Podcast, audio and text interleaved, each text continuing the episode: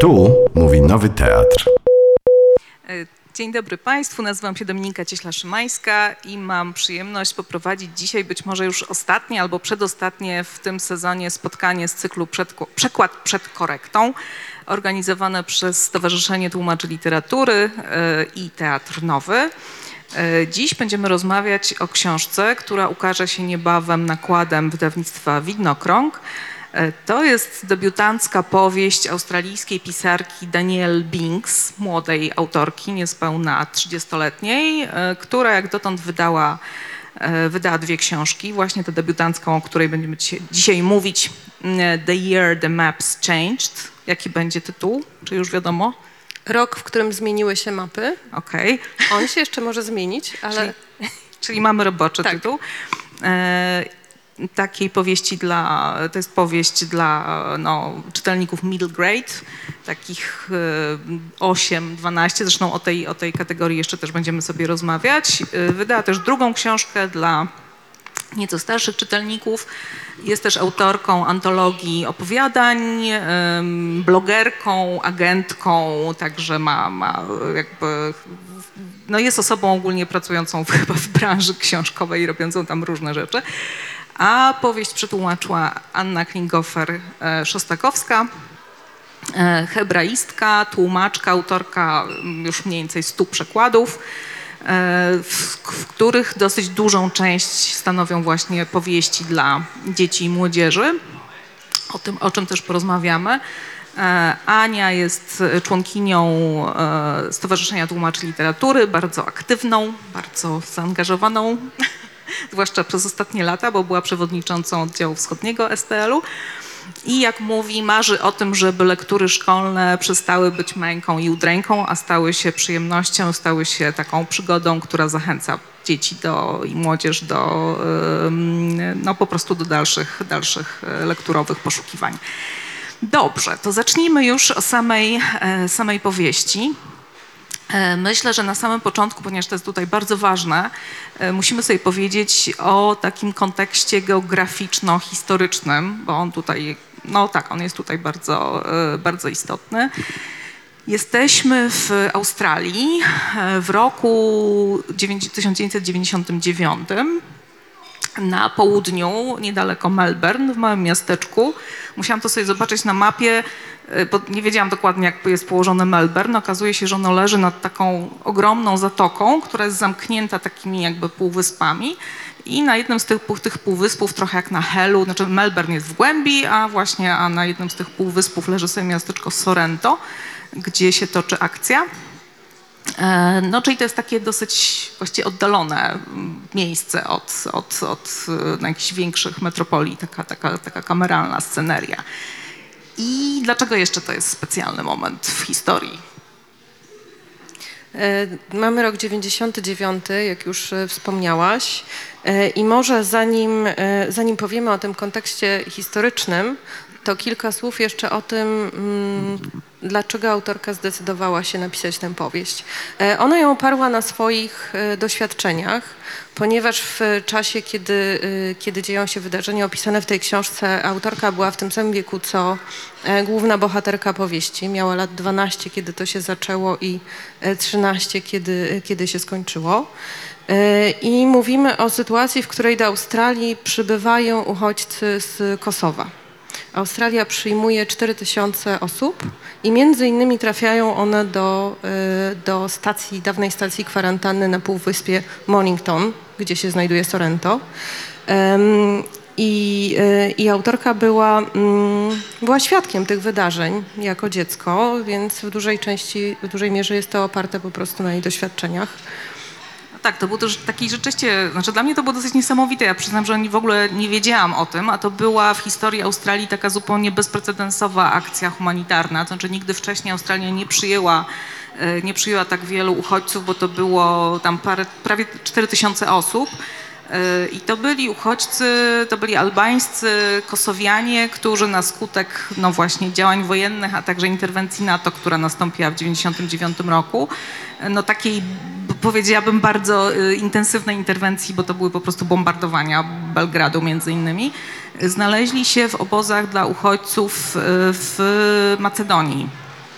I Australia, no, oprócz pewnie wielu innych państw, które się zaangażowały w pomoc tym uchodźcom, właśnie zadeklarowała, że przyjmie e, kilka tysięcy osób. Tylko, że właściwie od razu z założeniem, że to będzie taki azyl tymczasowy. Oni mieli dostać e, wizy tymczasowe na tam bodajże 3 czy 4 miesiące, więc wiadomo było, że to nie jest, że to nie jest e, no, takie, że to, że to, że to nie będzie na stały pobyt. Także ta y, australijska gościnność, bo oczywiście temu towarzyszyła ogromna akcja propagandowa właśnie w mediach y, i właśnie Australijczycy byli strasznie zachwyceni swoją własną, właśnie swoim własnym humanitaryzmem i jakby gościnnością i hojnością. No, przy bliższym przyjrzeniu się no nie była taka strasznie fajna, tym bardziej, że tych uchodźców ulokowano, znaczy oni byli podzieleni na grupy i ulokowani w takich no, odległych zazwyczaj miejscach, to były bazy wojskowe, tutaj w, w tym przypadku właśnie to była taka dawna stacja kwarantanny, e, no, które nie były fajnymi miejscami. No, w każdym razie to opisywane tutaj w tej powieści jest, jest mocno nieprzyjemne, bo to jest po prostu jakaś taka baza wojskowa, gdzie są stare koszary, jakieś takie zaniedbane budynki. To wszystko jest strasznie daleko od, e, od cywilizacji i ci ludzie tam, tam żyją w dosyć okropnych, e, okropnych warunkach. No w każdym razie taki to jest, ale jeszcze do tego, do tego dojdziemy. W każdym razie właśnie jesteśmy w takim momencie. A w jakim momencie spotykamy właśnie powiedzmy coś o głównej bohaterce, bo ona tutaj jest na pierwszym planie, ona jest narratorką, ma 12 lat, y, ma na imię, no właśnie, jak ona ma na imię? Winifred. Winifred. Ale no- tych wersji imion ma wiele, ponieważ każdy z rodziny nazywa ją inaczej. Więc jest Fred, Fredo, Winnie, jak nazywała ją mama. Mm, I Fred nie ma łatwo w życiu, bo y, jest y, w patchworkowej rodzinie, bardzo specyficznej. Y, Mama Fred zmarła, gdy, gdy dziewczynka miała 6 lat. Teraz wychowuje ją ojczym, mm, mąż mamy, który ma nową partnerkę, spodziewają się dziecka, No jest jeszcze dziadek, który jest jeszcze jest dziadek, a- ostoją. Tak. ale dziadek wraca dopiero po pewnym czasie, ponieważ dziadek w, w tym momencie, w którym e, rozpoczyna się akcja, akurat dziadek trafia do ośrodka rehabilitacyjnego na wiele miesięcy. Em, więc, więc Fred jest sama. Jest jeszcze e, jej, właściwie nie wiadomo kto, syn, syn partnerki, który bardzo chcą, żeby był, stał się jej bratem. No, no przyrodni brat po prostu, tak? Em, tylko Fred się bardzo buntuje przeciwko temu, więc, y, więc ona jest w sytuacji, która jest dla niej nowa, trudna, skomplikowana, jak chyba dla każdej dwunastolatki byłaby. No to jest w ogóle dla niej taki trudny moment, bo to jest jeszcze też moment, y, to jest ostatni rok y, szkoły, znaczy po której ona zmieni, zmieni szkołę, zmieni środowisko. E, No to jest też moment w Początków dojrzewania. początków dojrzewania pierwszej miesiączki, no, który jest zawsze takim ważnym, ważnym jakby momentem. No, ale chyba najważniejsze jest właśnie to, że ta jej rodzina się nagle poszerzy, tak? Nagle się, nagle się zmieni. Y, Winnie nagle musi wejść w jakieś nowe role y, córki, tak? Swojej, swojej macochy. Znaczy przybranej córki, przybranej starszej siostry i to nie tylko chłopca tam rok młodszego od niej, to jeszcze, znaczy nie tylko tego chłopca, ale też dziecka, które się ma dopiero, mm, ma dopiero urodzić, więc to wszystko jest dla niej trudne do zaakceptowania. Jest, znaczy podoba mi się też, że jest właśnie jakby przedstawione bardzo tak realistycznie, bo, bo jest tu mnóstwo różnych trudnych, e, trudnych emocji, które się, e, które się w, jakby w niej kłębią. Wcale nie ma tutaj łatwej jakiejś akceptacji, czy łatwej, łatwego jakby przyjęcia tej, mm, e, tej sytuacji. Więc i właściwie sama jak takie już czytając miałam problemy, że znaczy miałam takie poczucie, że już ten temat tej patchworkowej rodziny, tak? Wystarczyłby. Już by wystarczył spokojnie za e, jakby cały, właściwie cały temat książki, tak? No bo ta właśnie rodzina złożona z dziadka e, i ojczyma, zupełnie szczęśliwi właśnie Winnie, taka całkiem jakby szczęśliwa, nagle się właśnie ma poszerzyć, tak? O nową partnerkę e, jej ojczyma i właśnie nie, nie, nie, nie tylko jednego brata, ale jeszcze też jakieś nowe, jakieś nowe dziecko, więc to już jest, to już jest dosyć trudne. E, No, ale nie, to nie jest jedyny problem w tej książce.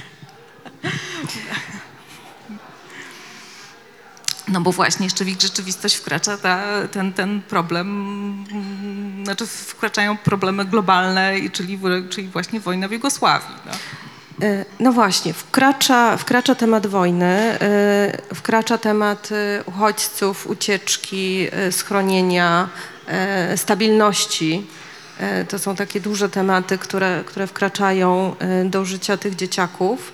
I już na samym początku, nie wiem czy pamiętasz, na samym początku książki e, Fred mówi o tym, że a właściwie autorka mówi, bo to ona mówi jeszcze w tym wstępie, kiedy mówi o, o swoich doświadczeniach, że miała poczucie, że to się jakoś ukradkiem, chyłkiem się ta rzeczywistość zakradła, tak?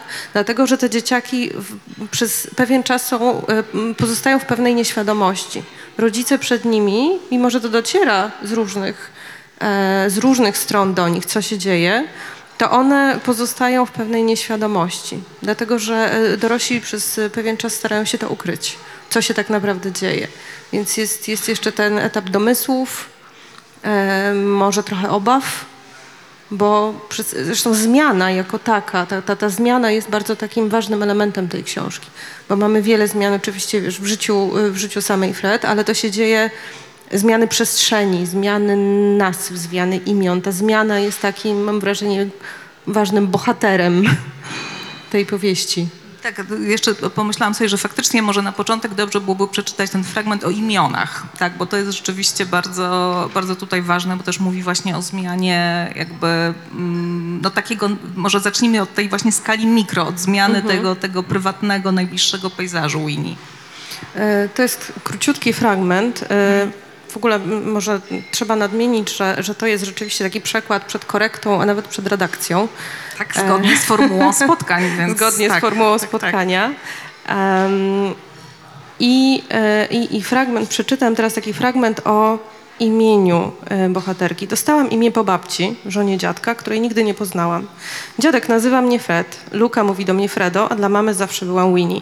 Kiedyś zapytałam dziadka, dlaczego nie mogli zdecydować na jedną formę mojego imienia. On odparł, że nie wie, ale może wszyscy chcieli mieć po kawałku mnie tylko dla siebie. Ostatnio zastanawiałam się, jaką część mama zabrała ze sobą, gdy umarła i myślałam o Winnie, którą byłabym, gdyby wciąż żyła. Właśnie o tym chciałam porozmawiać z Luką, gdy znajdziemy się 314 metrów nad poziomem morza. No mnie się bardzo podobał ten fragment, bo wydaje mi się, że to jest bardzo dobra metafora y, no takiego mm, no po prostu dochodzenia powoli do swojej tożsamości i składania sobie tej takiej jeszcze smarkatej właśnie wczesno-nastoletniej tożsamości z tych różnych ról, w które na początku wchodzimy, tak? No bo właśnie ona jest córką, jest, y, jest wnuczką, tak? Jest, kto tam ją jeszcze nazywa. No tak, no, no była córką swojej mamy, której już nie ma. Y, I, y, no a teraz właśnie ten zestaw ról, które, w które ona będzie wchodzić, y, się poszerzy, tak? O jakieś, o jakieś nowe. Ona się zresztą złości, że kiedy ta, kiedy ta jej macocha Anika, która próbuje się oczywiście z nią jakoś Przymierza te, tak. z, z nią zaprzyjaźnić, czy no jakoś nawiązać z nią jakiś dobry kontakt. E, próbuje różnych tych przezwisk, tak? Raz mówi Fred, raz mówi Fredo, a, a Winnie, no nie, może nazywajmy ją Winnie, e, a Winnie się złości właśnie, że, że Anika tak jakby trochę bezprawnie sobie e, próbuje tych jej, tych jej różnych imion, które dotychczas należały do jakby takiego bardzo prywatnego zestawu. Bardzo, bardzo to jest taka dobra, dobra wydaje mi się metafora. Drugą taką metaforą, która no zresztą pojawia się w tytule i która wydaje mi się taką osią tej książki, y, no jest metafora mapy. Mapy, mapy w sensie właśnie tego takiego prywatnego, najbliższego y, jakby otoczenia, no i też mapy w szerszym sensie, mapy, mapy po prostu najbliższej okolicy, ale też mapy jakiegoś takiego wewnętrznego, nie wiem, krajobrazu, czy, czy, czy, czy nie wiem, światopoglądu, czy w ogóle świadomości tego, w jakim kontekście się żyje. To może ja e, w takim razie, skoro jesteśmy na, na tych, przy tych mapach, e, przeczytam fragment o, o mapach właśnie. E, Tu pojawia się jeden z głównych bohaterów, bardzo ważny dla, dla Fred, tak e, formacyjnie, jej ukochany nauczyciel, pan Huri, e, który no, jest w sumie wychowawcą, takim może nieoficjalnym, ale prowadzi dzieci przez te trudne doświadczenia. Tu jesteśmy jeszcze na początku. E, Geografia to nie tylko flagi, mapy i kompasy, czy nazwy stolic, powiedział pan Huri, a ja oderwałam się od płyt tektonicznych, żeby go posłuchać. Tak naprawdę mówi o ludziach i o tym, jak rozprzestrzeniliśmy się po powierzchni Ziemi, jak to, co robimy, wpływa na fizyczne cechy tej planety i jej atmosferę, jak Ziemia z kolei wpływa na nas. Nagle klasnął w dłonie tak głośno, że wszyscy poderwaliśmy się z krzeseł. Dobra, piątoklasiści, niech każdy z was zwinie dłoń w pięść, a drugą chwyci długopis. Cały rocznik szósty pamiętał to z poprzedniego roku i teraz patrzyliśmy, jak piąta klasa wykonuje polecenie nauczyciela. Wszyscy zacisnęli dłonie w pięści i sięgnęli po długopisy. Wasza pięść to dolina, a knykcie to góry i wierzchołki wzgórz.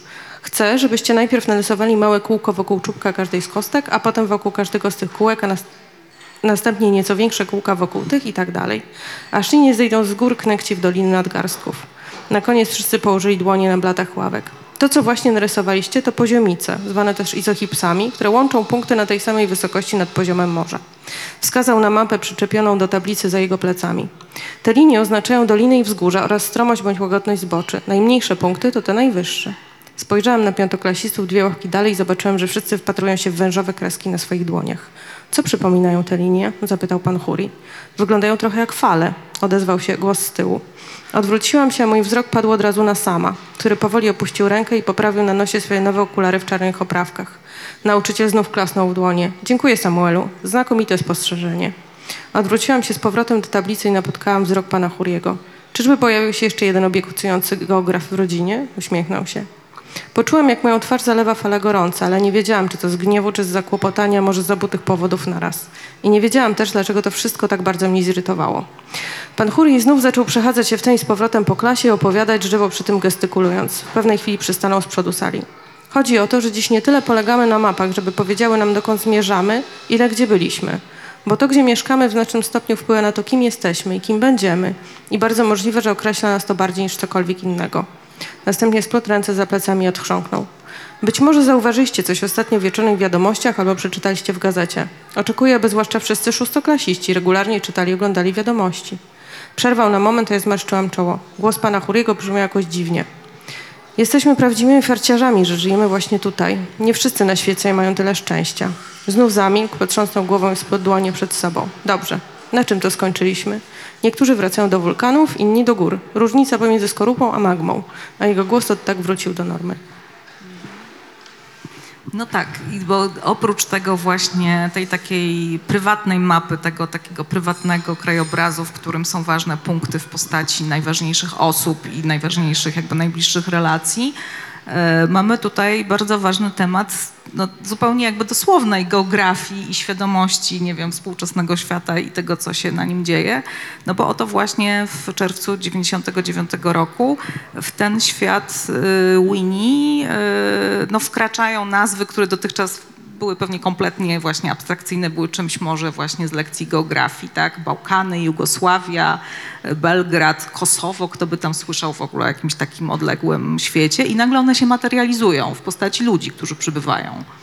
I emocji, które to wzbudza. Jakie, jakie, powiedz, jakie to wzbudza emocje w tym miasteczku? Co tam się dzieje? Bardzo różne, to znaczy może zacznę od perspektywy dzieci, ponieważ dzieci się próbują w tym jakoś odnaleźć i e, dostają bardzo skąpe e, informacje od dorosłych, natomiast, e, zwłaszcza na początku, natomiast co ciekawe, e, próbują wytłumaczyć to sobie, te emocje, poprzez to, co znają dobrze i z własnego podwórka, czyli na przykład poprzez y, doświadczenia bliskich ludzi w wieku ich rodziców, czy trochę starszych, którzy przybyli z Wietnamu. Czyli jakby ci, ci młodzi Australijczycy tłumaczą to sobie poprzez Wietnam, między innymi. No tak, bo tam jest taka bardzo, jakby tuż obok jest taka zaprzyjaźniona rodzina Wietnamczyków, którzy są chyba w drugim pokoleniu. Tak, Tak, oni jako młodzi M, ludzie przyjechali z rodzicami. Tak. Tak, rodzice, rodzice uciekli. Oni już wychowali się właściwie, no, przybyli jako bardzo młodzi ludzie, wychowali się, studiowali, zostali w Australii. Natomiast no, to jest zrozumiałe, to jest bliskie. I znów te mapy, prawda, że, że, że przyciągamy to, sprowadzamy na własne podwórko, żeby to lepiej zrozumieć. Natomiast co do tych reakcji, reakcji w miasteczku, y, bardzo mi się podoba to, że, że autorka nie, nie boi się różnych trudnych emocji i złożoności tego wszystkiego, tak? Tu nie ma takiego jakiegoś em, em, nadgorliwości dydaktycznej w tej książce nie widać. Powiedziałabym, że jakby na samym początku się pojawia taki, taki, taki jakby no takie dosyć brutalne zderzenie z rzeczywistością, znaczy no bo dzieci są, dzieci widzą, dzieci oglądają y, telewizję i w telewizji właśnie cała ta akcja jest przedstawiana tak wspaniale, tak tutaj gościnna Australia właśnie przyjmuje, y, przyjmuje tych uchodźców, no to dzieci i to chyba zresztą y, to jest też akcja zainicjowana przez nauczycieli, szykują, pamiętasz, jakieś transparenty, napisy, witamy, Tak. z napisami po angielsku, dzień dobry, witajcie i tak dalej. Po czym się okazuje, że co? Że one nie będą mogły tych transparentów nikomu przekazać czy pokazać, tak? Nie będzie żadnego oficjalnego powitania. Tak, to uchodźców. zderzenie, tej, e, zderzenie propagandy, tego, tego wstępu propagandowego do całej akcji e, z rzeczywistością, bo przecież e, wszyscy, którzy widzą powitanie, nie wiem, w Stanach na przykład, tak, to, to powitanie na lotnisku, oczekują, że, że ta, ta, tak samo mieszkańcy miasteczka będą mogli powitać uchodźców w bazie e, w tej stacji kwarantanny, która później była mm, zajęta przez wojsko. E, Nagle się okazuje, że oni przyjeżdżają w środku nocy, że te transparenty, o których mówisz, e- ewentualnie można przemycić jakiś jeden z nich, prawda, i przekazać bezpośrednio dzieciom. Natomiast no, rozjeżdża się to, nie mówiąc o tym, że część mieszkańców miasteczka dość wyraźnie wyraża sprzeciw wobec ich pobytu. No tak, no tam się dosyć szybko pojawiają takie emocje, no, które no, znamy, poznaliśmy też chyba w ciągu ostatnich dwóch lat właściwie też na naszym podwórku. No na przykład takie oczekiwanie, że e, znaczy tak, no są oczywiście osoby kompletnie w ogóle przeciwne temu, żeby przyjmować kogokolwiek, nawet jeżeli to będzie grupa odizolowana w jakiejś właśnie takiej odległej bazie wojskowej. E, No, są też tacy, którzy oczywiście natychmiast się dopatrują w, w tych uchodźcach niewdzięczności i jest, pojawia się to takie oczekiwanie, że właśnie, że ktoś, kto przyjmuje pomoc, ktoś komuś zaoferowaliśmy gościnność, musi być idealny, musi być aniołem i po prostu nic, tylko musi nam dziękować na kolanach ze łzami w oczach, nie może, nie może się dziać. Pamiętasz, tam jest taka... Tak, to jest bardzo cenne, wiesz, dlatego że mam wrażenie, że często, y, często to się pokazuje w taki bardzo czarno-biały sposób. Y, Natomiast tutaj no, te emocje, takiego oczeki- to, to oczekiwanie y, wdzięczności jest taką bardzo prawdziwą emocją.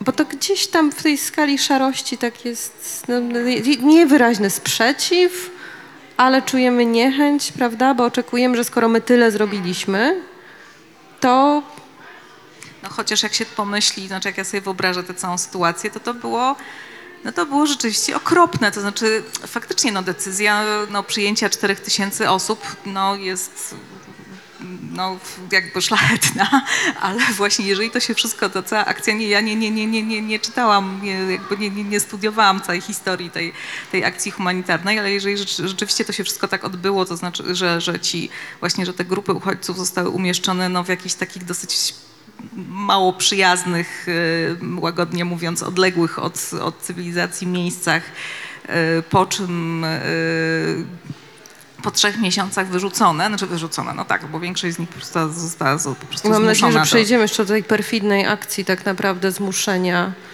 E, ich do powrotu, tak. Tak. No tak, tak.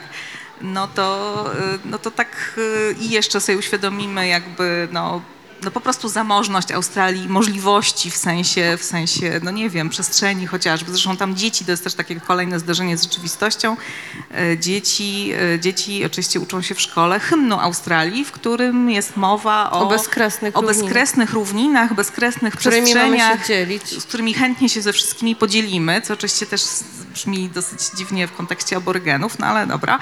E, A tymczasem się okazuje, że mm, mm, nie, nie podzielimy się naszymi, nie wiem, pustymi, nie wpuścimy do naszych pustych domów letniskowych y, tych właśnie Kosowian, nie poszukamy im jakichś miłych miejsc blisko tego miasteczka, tylko właśnie zostaną umieszczeni no, w zasadzie w takim no, zamkniętym ośrodku odległym od, od, od wszystkiego. No. Bardzo mi się podoba, jak autorka znów, ponieważ ona tego nie upraszcza, e, ale też te pytania wkłada w usta dzieci.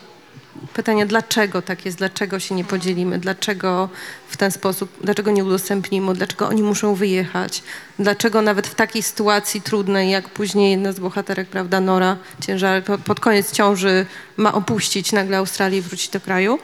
E, Ale jest jeden fragment, który jakby mm, pokazuje niejednoznaczność e, chęci dzielenia się własną przestrzenią. E, I to jest taki króciutki rozdział mapy Nie zawsze mówią prawdę. Pewnego wieczoru przy kolacji Sam zapytał, Sam to jest ten przybrany brat e, Fred. A jakie nazwiecie? Miał na myśli dziecko. Nie możemy jeszcze zdecydować, kochanie, najpierw musimy je poznać. Anika uśmiechnęła się do Luki, a potem znów do syna. Zanim się urodziłeś, prawie zostałeś Benjaminem. Uniosła palec wskazujący i kciuk, pokazując, jak mało brakowało.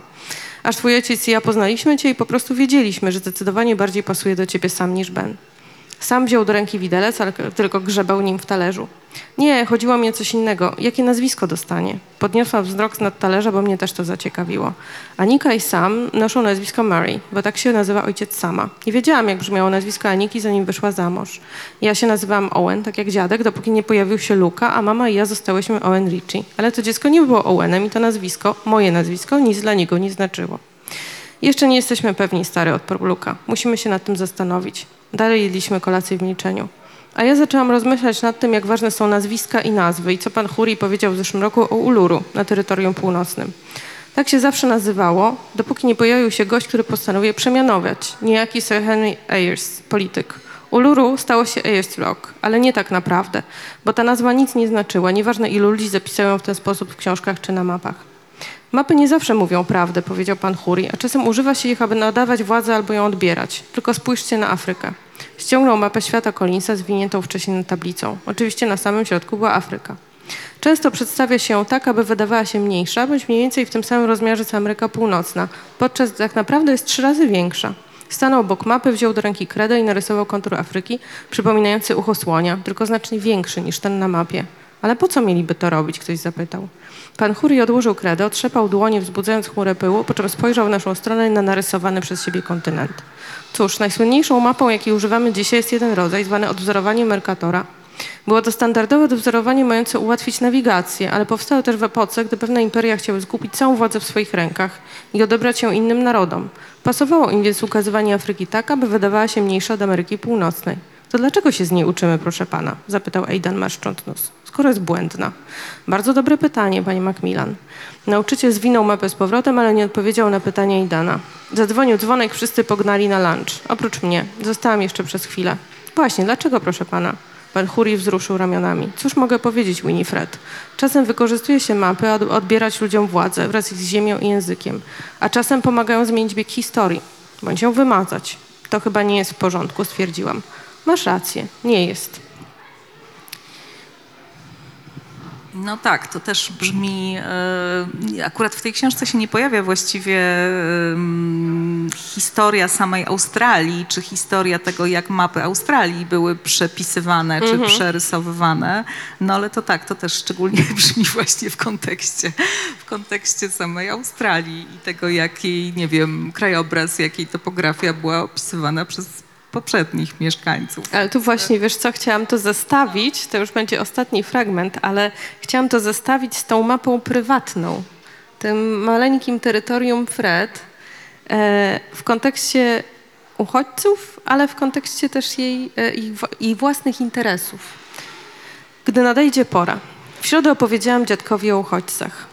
Luka jeździ tam czasem po pracy, żeby pomóc, wyjaśniłam. Mówi, że chcą głównie ludzi, którzy mogliby z nimi porozmawiać, sprawdzić angielski i pokazać im, jak się gra w futbol australijski. Szkoda, że nie mogliście przekazać tym biedakom mojego mieszkania, zauważył dziadek. Ale przecież będzie ci potrzebne, jak wrócisz. Właśnie się dowiedzieliśmy, że po sześciu miesiącach dziadek wreszcie wróci do domu w pierwszym tygodniu lipca. Żebra mu się już zrosły i zamienił balkonik na laskę. Oczywiście, powiedział dziadek. Chodziło mi tylko o to, że gdybym nie potrzebował tamtego starego domku w ogrodzie, ktoś z nich mógłby go dostać. Miał rację i zagadnęłam o to Lukę kilka wieczorów później przy kolacji. Jak to jest, że mamy całkiem dobre mieszkanie, które stoi puste, podczas gdy ci wszyscy uchodźcy muszą mieszkać w starej, zrujnowanej stacji kwarantanny z przelewającymi się toaletami i szwankującym ogrzewaniem? Poza tym, mamo, przecież sprzątasz te wszystkie duże domy, które teraz zimą stoją puste, dodał sam. Powinni po prostu udostępnić je uchodźcom, skoro nikt inny tam nie mieszka. Widziałam, że tymi słowami sam trochę zaimponował Anice Luce i nieco ich zaskoczył. To prawda, przyznała Anika, ale rząd chciał ulokować wszystkich uchodźców w jednym miejscu, żeby łatwiej było się nimi zajmować. A zwracanie się ludzi, żeby wpuścili do domu nieznajomych, to proszenie o wielką przysługę. Wypiła łyk wody i odchrząknęła. W każdym razie teraz w mieszkaniu dziadka i tak nie ma za wiele miejsca. Odłożyłam nóż i widelec i przenosiłam wzrok to na nią, to na niego. Jak to? Policzki Aniki odrobinę się zaczerwieniły. No wiesz, zaczęła, nie sądziliśmy, że ty. Trzymamy tam rzeczy dla dziecka, wtrącił Luka. Żeby nie zawadzały, dopóki nie będziemy gotowi, żeby wszystko urządzić. Od miesięcy nie byłam w domu dziadka. Wystarczająco smutno było patrzeć na budyneczek z tarasu czy kuchennego okna, wiedząc, że stoi tam pusty i czeka na niego, tak jak ja. Ale musicie się tego pozbyć, oświadczyłam, a potem zmarszczyłam brwi na myśl o tym, jak to zabrzmiało. No wiecie, nie możecie trzymać tam tych rzeczy. Dziadek wraca już za kilka tygodni i będzie potrzebował swojego mieszkania. Luka lekko pokręcił głową do Aniki, ale może tylko mi się zdawało. Skupiłam się na informacji, że mieszkanie dziadka, którego potrzebował, było wypełnione bambetlami drumlina.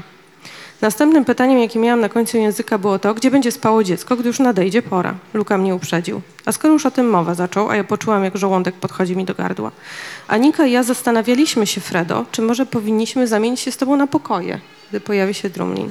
Luka podniósł ręce w chwili, gdy tylko otworzyłam usta, żeby zaprotestować. Wiem, wiem, ale teraz, gdy w moim dawnym pokoju będę ja, Anika i jeszcze łóżeczko, będzie ciężko się pomieścić. A twój pokój?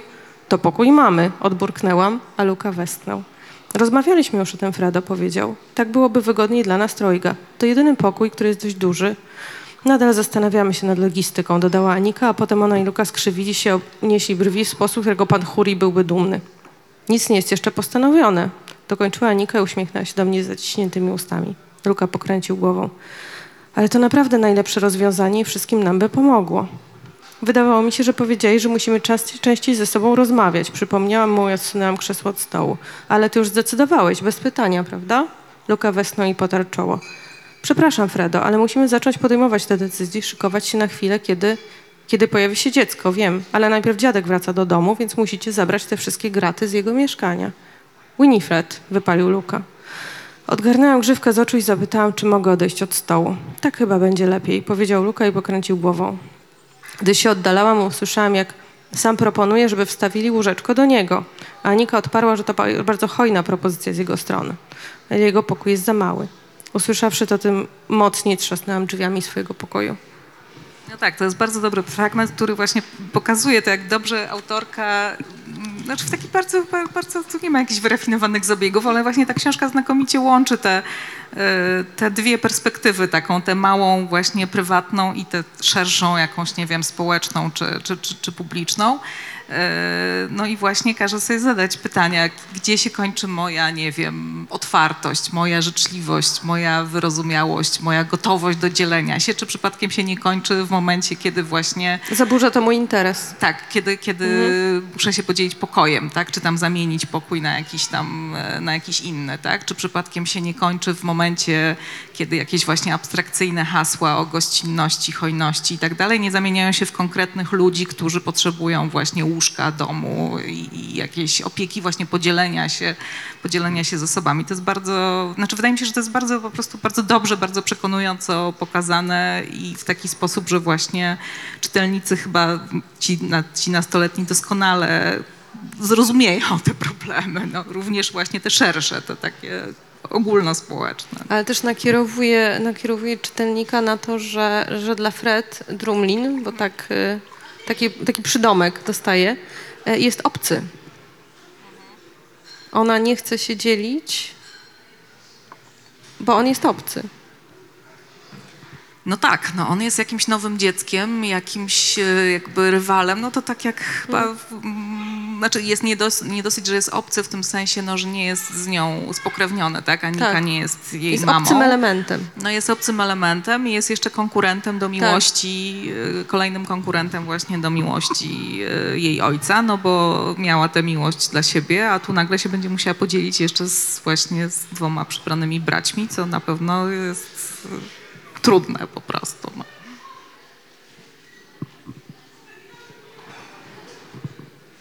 W każdym razie, tak czytając tę książkę e, i e, no, w której, no, znaczy nie, no, nie będziemy wszystkiego zdradzać, nie będziemy opowiadać, no ale w każdym razie tam właśnie oprócz tych wszystkich, oprócz tej skomplikowanej, jakby prywatnej sytuacji tej Winnie, czy rodzinnej, czy domowej sytuacji Winnie i tego problemu uchodźców, no mamy tam jeszcze różne dramatyczne wydarzenia, które tam po drodze się mm, po drodze się dzieją i tak w którymś momencie sobie pomyślałam, czy nie za dużo tych grzybów w barszcz? Nie miałaś takiego poczucia? Że to jest po prostu już, autorka już nie wiedziała, co tutaj jeszcze, jaki tutaj jeszcze straszny problem właśnie do tej powieści do tej powieści. Miałam, miałam, choć y, nie miałam poczucia, że jest to nierealistyczne. No nie, no Czasem to jest tak wszystko się w granicach. zdarza, nie, nie, oczywiście, że, że, że wiesz, wszystko że się wali naraz. Em, trochę tak, to znaczy te, te, tego jest dużo. Nie wiem, czy nie za dużo, ale może nie. Musimy chyba zdradzić, wiesz, ten No, nie, element. no może, bo, może coś musimy zdradzić. bo i tak chyba, chyba y, docelowi czytelnicy nie będą tego słuchać później, tylko raczej ich rodzice. Tam pojawia się temat, który y, rzadko chyba pojawia się tak naprawdę y, w, w powieściach, w książkach dla młodszych, młodszej młodzieży, takiej najmłodszej młodzieży, bo to jest mm, ten chyba trudny taki wiek, prawda? Te, te 9-12. Znaczy trudny w sensie psychologicznym, czy trudny jako kategoria wydawnicza? Kategoria to- wydawnicza to, to, Tak. to wiem, że jest trudna. Natomiast też w sensie psychologicznym, bo jakby ym, część, część czytelników w tym wieku już jest gotowa na poważniejsze tematy, a część jeszcze pozostaje w tej sferze bardziej dziecięcej literatury. E, Ja przyznam, że ja trochę nie rozumiem tej kategorii, kategorii Neon. Czy możesz jako w, w, tutaj... Czy od ona, to może o tym powiemy na wydawców- koniec, bo ta kategoria Tak. rzeczywiście w Polsce jakoś taka Ona jest jest, bardzo jest dosyć mętna, mętna. Ale w każdym razie na razie jeszcze, jeszcze może powiedzmy właśnie o tych, Tak, o tych, o tych problemach, y, bo pewnie, nie wiem, czy masz na myśli ten, to samo, Wiesz co, co ja. mam na myśli śmierć y, tego, tego braciszka, ponieważ on się, noworodek rodzi się martwy. I jeszcze jakby nie tylko nie tylko Fred musi się, jakoś czuje, wiesz, Dominika, taki wewnętrzny sprzeciw, żeby nie nazywać ją Winnie, bo tak ją nazywała mama. I to jest takie zastrzeżone imię dla, dla tego, co było, a co się nie wydarzyło dalej. E, Fred musi się zmierzyć nie tylko ze śmiercią dziecka, które tak naprawdę się jeszcze nie. No, już z nim nawiązała więź jakąś, ale jeszcze się nie pojawiło. Mm, już szykowała się na pewną przyszłość, która miała nastąpić. Ona teraz nie nastąpi, ale też z żałobą, która nagle wkracza do domu. I jeszcze z poczuciem winy. I z poczuciem winy, ponieważ ona y, nie chciała tego, tego braciszka, więc ona ma takie poczucie, tam jest taka ta, ta, ta metafora tej ziemi, która, która kręci się, ponieważ nic nigdy nie próbowało, nie było żadnej siły, która mogłaby ją zatrzymać. I, y, I Fred się zastanawia, czy w takim razie jej myśli mają moc sprawczą, bo ona tego nie chciała. Czy ona była w stanie i znów kolejna, kolejna metafora, która ten, ona wyobrażała sobie y, Drumlina jako ten formujący się świat. I teraz ma poczucie, że ona nagle zyskała moc sprawczą, żeby ten świat zatrzymać. Tak, zresztą ten jej przybrany brat sam też ma wyrzuty sumienia, bo on też nie chciał tego braciszka, tak? bo on też chciał mieć mamę na wyłączność, tym bardziej, że się czuł odrzucony, czuje się odrzucony przez swojego mm, tego biologicznego ojca, który po prostu go nie chce. Więc on też przyznaje się, przyznaje się Fred, że, że on się boi, że to może przez niego, tak? To dziecko się urodziło martwe. Dobra książka dla jedynaków. Musiałam. W każdym razie przyznam się, że ja już w tym momencie miałam trochę dosyć. To znaczy, miałam, to znaczy miałam takie poczucie, o Boże drogi, czy przynajmniej to dziecko nie mogło się urodzić zdrowe i czy ta rodzina nie mogła być no po prostu szczęśliwa, tak? Jest nowe dziecko, którego nie wiem, no jakieś, jakieś, jakoś tam cementuje jeszcze właśnie tę nową, taką rekonstruowaną rodzinę. Czy jeszcze się musiała na miłość boską w tej książce wydarzyć? To jeszcze no, no, no, naprawdę okropna tragedia, dlatego że to jest no, przedstawione w taki no taki naprawdę poruszający, taki znaczy momentami nawet naturalistyczny sposób. Na przykład tam jest taka scena, że e, no, Fred budzi się w nocy i słyszy hałasy w domu. Okazuje się, że rodzice, czyli właśnie ten jej ojczym i, i, i właśnie Anika jadą do szpitala bo się coś dzieje z nią, tak, że, że, że musi jechać. Yy, I yy, Fred wchodzi do ich sypialni i się okazuje, że ich łóżko jest zalane krwią, tak, jak, taką straszną, czarną krwią. No to jest strasznie drastyczna scena. Nawet w powieści takiej dla dorosłych byłaby, byłaby drastyczna, no a potem to dziecko no rzeczywiście no, no, rodzi się martwe i, i następuje, no jej ojciec jest właściwie, w, w, no chyba wpada w pracoholizm po prostu, znaczy jakby oddaje się pracy, żeby, żeby jakoś o tym zapomnieć. Ta Anika ewidentnie jest w depresji, bo nie wychodzi z pokoju, więc to jest wszystko po prostu no, strasznie ciężkie, no. Plus właśnie uczucia tych dzieci, obojga, które są no i no też są zdruzgotane, tak? Bo jednak jakoś tam na to dziecko czekały, jednocześnie właśnie mają poczucie winy, no po prostu, Boże drogi, no.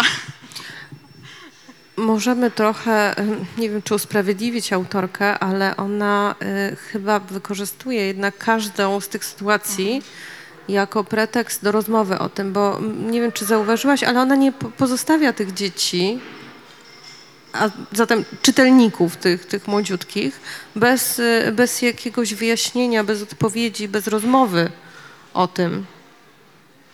No tak, znaczy to jest tak, no na pewno bardzo cenne jest to, że, że ten Luka, ojciec, tak, rozmawia z tą córką. Że Dziadek. No ona też dziadek, tak, ona nie zostaje jakby sama z tymi, e, z tymi wszystkimi uczuciami, no ale no nie mniej, no to jest po prostu strasznie, strasznie takie, takie trudne i ponure.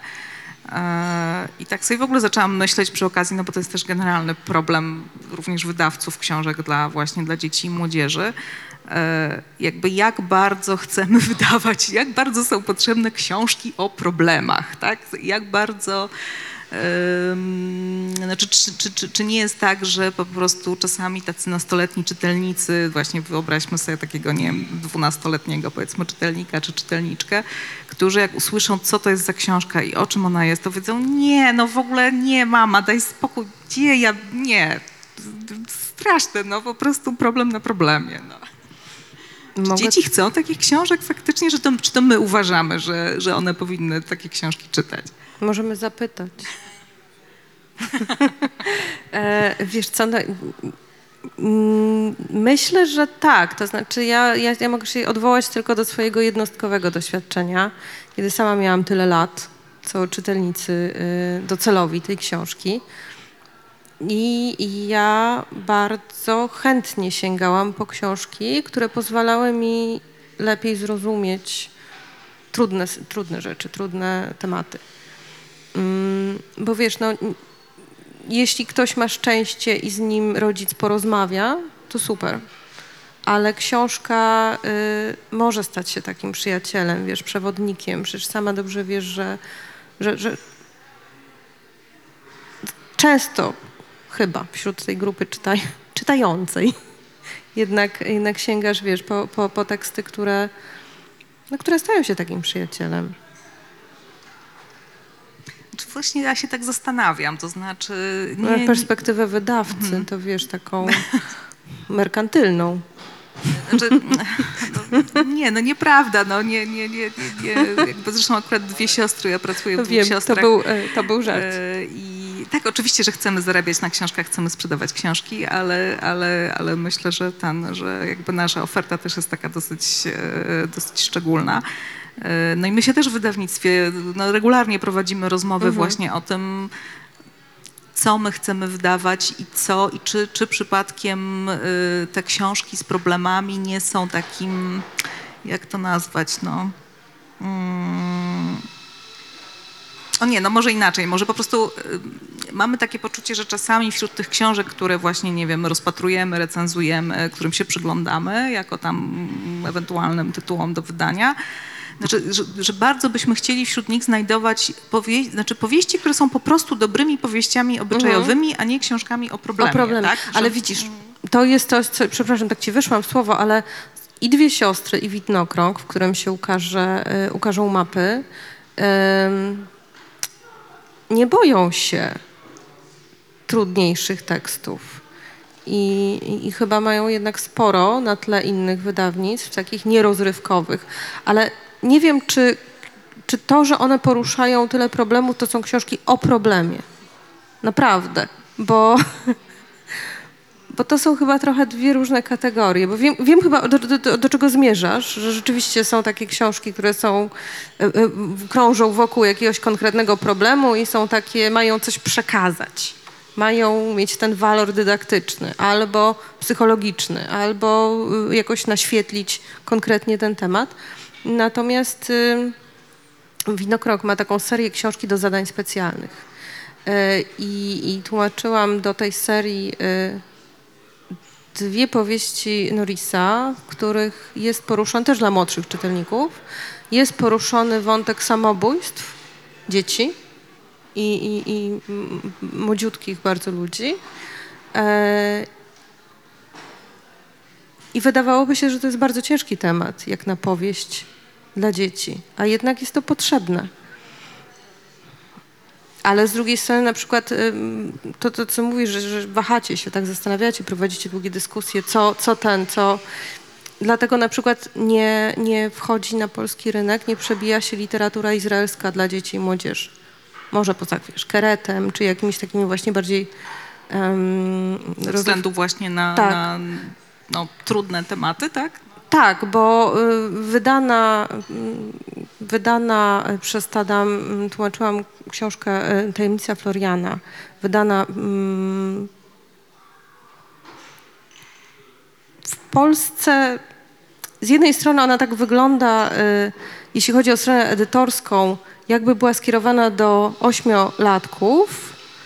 Tematem jest zagłada, więc ta szata graficzna z jednej strony kieruje na przykład rodzica, który kupuje tę książkę, e, no, ku myśli, okej, to jest, to jest dla, dla młodziutkich dzieci, dla małych dzieci, może nie bardzo małych, ale takich powiedzmy 8-10. Tymczasem temat, no to był jeden z zarzutów tak naprawdę po wydaniu tej książki, że to za ciężki temat dla dzieci. A jest to opowieść bio, autobiograficzna autorki y, o tym, jak ocalała i jak związała się z rodziną, której, się, której przetrwała wojnę, tak? Więc y, jak próbowałam przedstawić bardzo fajne teksty polskim wydawcom, to to była ta, ta, ta blokada, ta ściana. Nie, nie, nie, tam to jest za ciężkie. Nie możemy mówić o zagładzie, bo to, to nie jest ten, e, ta kategoria wiekowa. Bo to rzeczywiście jest. No to, to jest trudne po prostu. Ja może powiem właśnie o naszym, naszym takim doświadczeniu, jakimś, znaczy naszym w sensie właśnie w dwóch siostrach. Jakiś czas temu wymyśliliśmy taką serię z poczwarką, która właśnie ma być, e, ma być dla czytelników takich, e, no powiedzmy 10, 13, tak, czy tam 8, no tak, no powiedzmy 8, 13, 8, no tak, takie młodsze nastolatki, tak. Mm, Właśnie to middle grade, chociaż tak nie do końca, dlatego że właściwie taka ta anglosaska definicja middle grade to są, to jest 8-11, tak, a, a- a my to rozciągamy trochę, trochę dalej. Oczywiście to jest wszystko w jakimś tam stopniu płynne. No i w tej serii ukazały się na razie, ukazała się książka, której tematem jest wojna i ucieczka przed wojną. Ukazała się książka, której narratorką jest autystyczna jedenastolatka współcześnie w e, Wielkiej Brytanii. E, Kiedy nasz dyrektor handlowy się dowiedział, że trzeci tytuł to będzie książka, której akcja się dzieje współcześnie w Stanach, a bohaterem jest chłopiec, taki właśnie też dwunastolatek, u którego wykryto rzadki nowotwór oka i książka jest historią jakby jego terapii i tak dalej. Pełna zresztą humoru, jest naprawdę bardzo zabawna. No w każdym razie, kiedy nasz dyrektor usłyszał właśnie hasło Boże drogi nowo- nowotwór, no jakby na pierwszym planie terapia właśnie, terapia rzadkiego nowotworu oka, no po prostu wspaniale, cudownie, no właśnie był, szczęśliwy. Nie no, my, znaczy to jest eksperyment, który trwa, będziemy też, znaczy będziemy obserwować reakcje czytelników i reakcje, reakcje też jakby rynkowe, bo czasami jest tak, że mimo, że książka ma świetne recenzje i świetne reakcje, to niestety to się nie przekłada na, na nie przekłada się na sprzedaż, no ale w każdym razie mamy takie przekonanie, no że no tak, no chcemy mówić o tych trudnych problemach i rzeczywiście to jest potrzebne, bo na przykład mieliśmy takie reakcje, y, dotarły do nas takie reakcje czytelników, znaczy rodziców dzieci, rodziców autystycznych nastolatków, dla których właśnie ta książka, y, w której narratorką jest, jest autystyczna dziewczynka i której zresztą autorka też jest, y, też ma doświadczenie, znaczy właśnie też jest autystyczna, dla których ta książka była strasznie cenna, strasznie się odnaleźli tam właśnie i, i bardzo to było poruszające, że, że, że, że właśnie narratorka tak dobrze rozumie taką perspektywę, także no tak, to, to jest potrzebne. Ale to teraz ja ciebie dopytam. Y, Ale czy powiedziałaś, że przesuwacie widełki, troszeczkę rozciągacie te widełki 8-11, ale czy to nie jest trochę sztuczna kategoria? Bo to jest okres, w którym te zmiany ym, następują bardzo szybko, są bardzo wyraźnie, tak ośmiolatek od dziesięciolatka y, różni się ogromnie. Świadomością, dojrzałością emocjonalną. Ale trudno to rozdrabniać bardziej, y, a myśmy chcieli z kolei, y, znaczy nie, no myśmy, my myślimy o tym tak, że no w tej chwili w Polsce jakby rządzi taki worek young adult, tak? I znaczy ta kategoria właśnie taka ogromna young adult, do której się wrzuca książki tak naprawdę dla czytelników od 12 do, nie wiem, 40 roku życia. No co jest ogromnym jakby też właśnie nadużyciem i tak naprawdę to jest strasznie, strasznie rozmyta taka kategoria, no bo zupełnie... ja ostatnio bardzo dużo o niej myślę, bo mam prowadzić spotkanie na ten temat na targach i powiem ci, że y, z jednej strony jest ta oficjalna kategoria.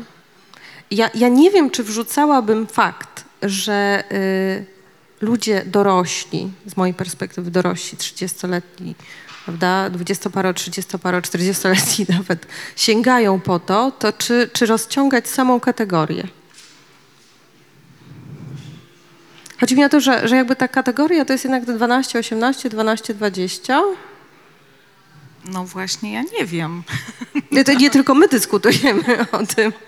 To są bardzo burzliwe Nie, dyskusje. dobrze, ale może, nie, no może zostawmy kategorię young adult. W każdym razie no, y, no, myśmy uznali, że, że trzeba jakoś wyraźniej wyodrębnić ten środkowy jednak y, jakiś taki okres, kiedy już nie jesteś dzieckiem, a jeszcze na przykład, no nie wiem, powiedzmy sprawy takie jak, nie wiem, seks, pierwsza praca, studia i, i takie różne rzeczy, czy nie wiem, wyprowadzka do innego miasta, rozpoczynanie samodzielnego życia, tak, jeszcze cię nie dotyczą, tak, jeszcze mieszkasz powiedzmy raczej z rodzicami, jeszcze chodzisz do szkoły, ale już się zaczynają problemy inne niż, e, niż dziecięce. No to, to jest strasznie ważny moment. A właśnie on, jak na przykład spojrzałam sobie w, na kategorię Empiku, no to oni mają literaturę dla dzieci, są kolejne kategorie wiekowe, one się kończą właśnie na 12, na kategorii 9-12, a potem już jest literatura dla młodzieży.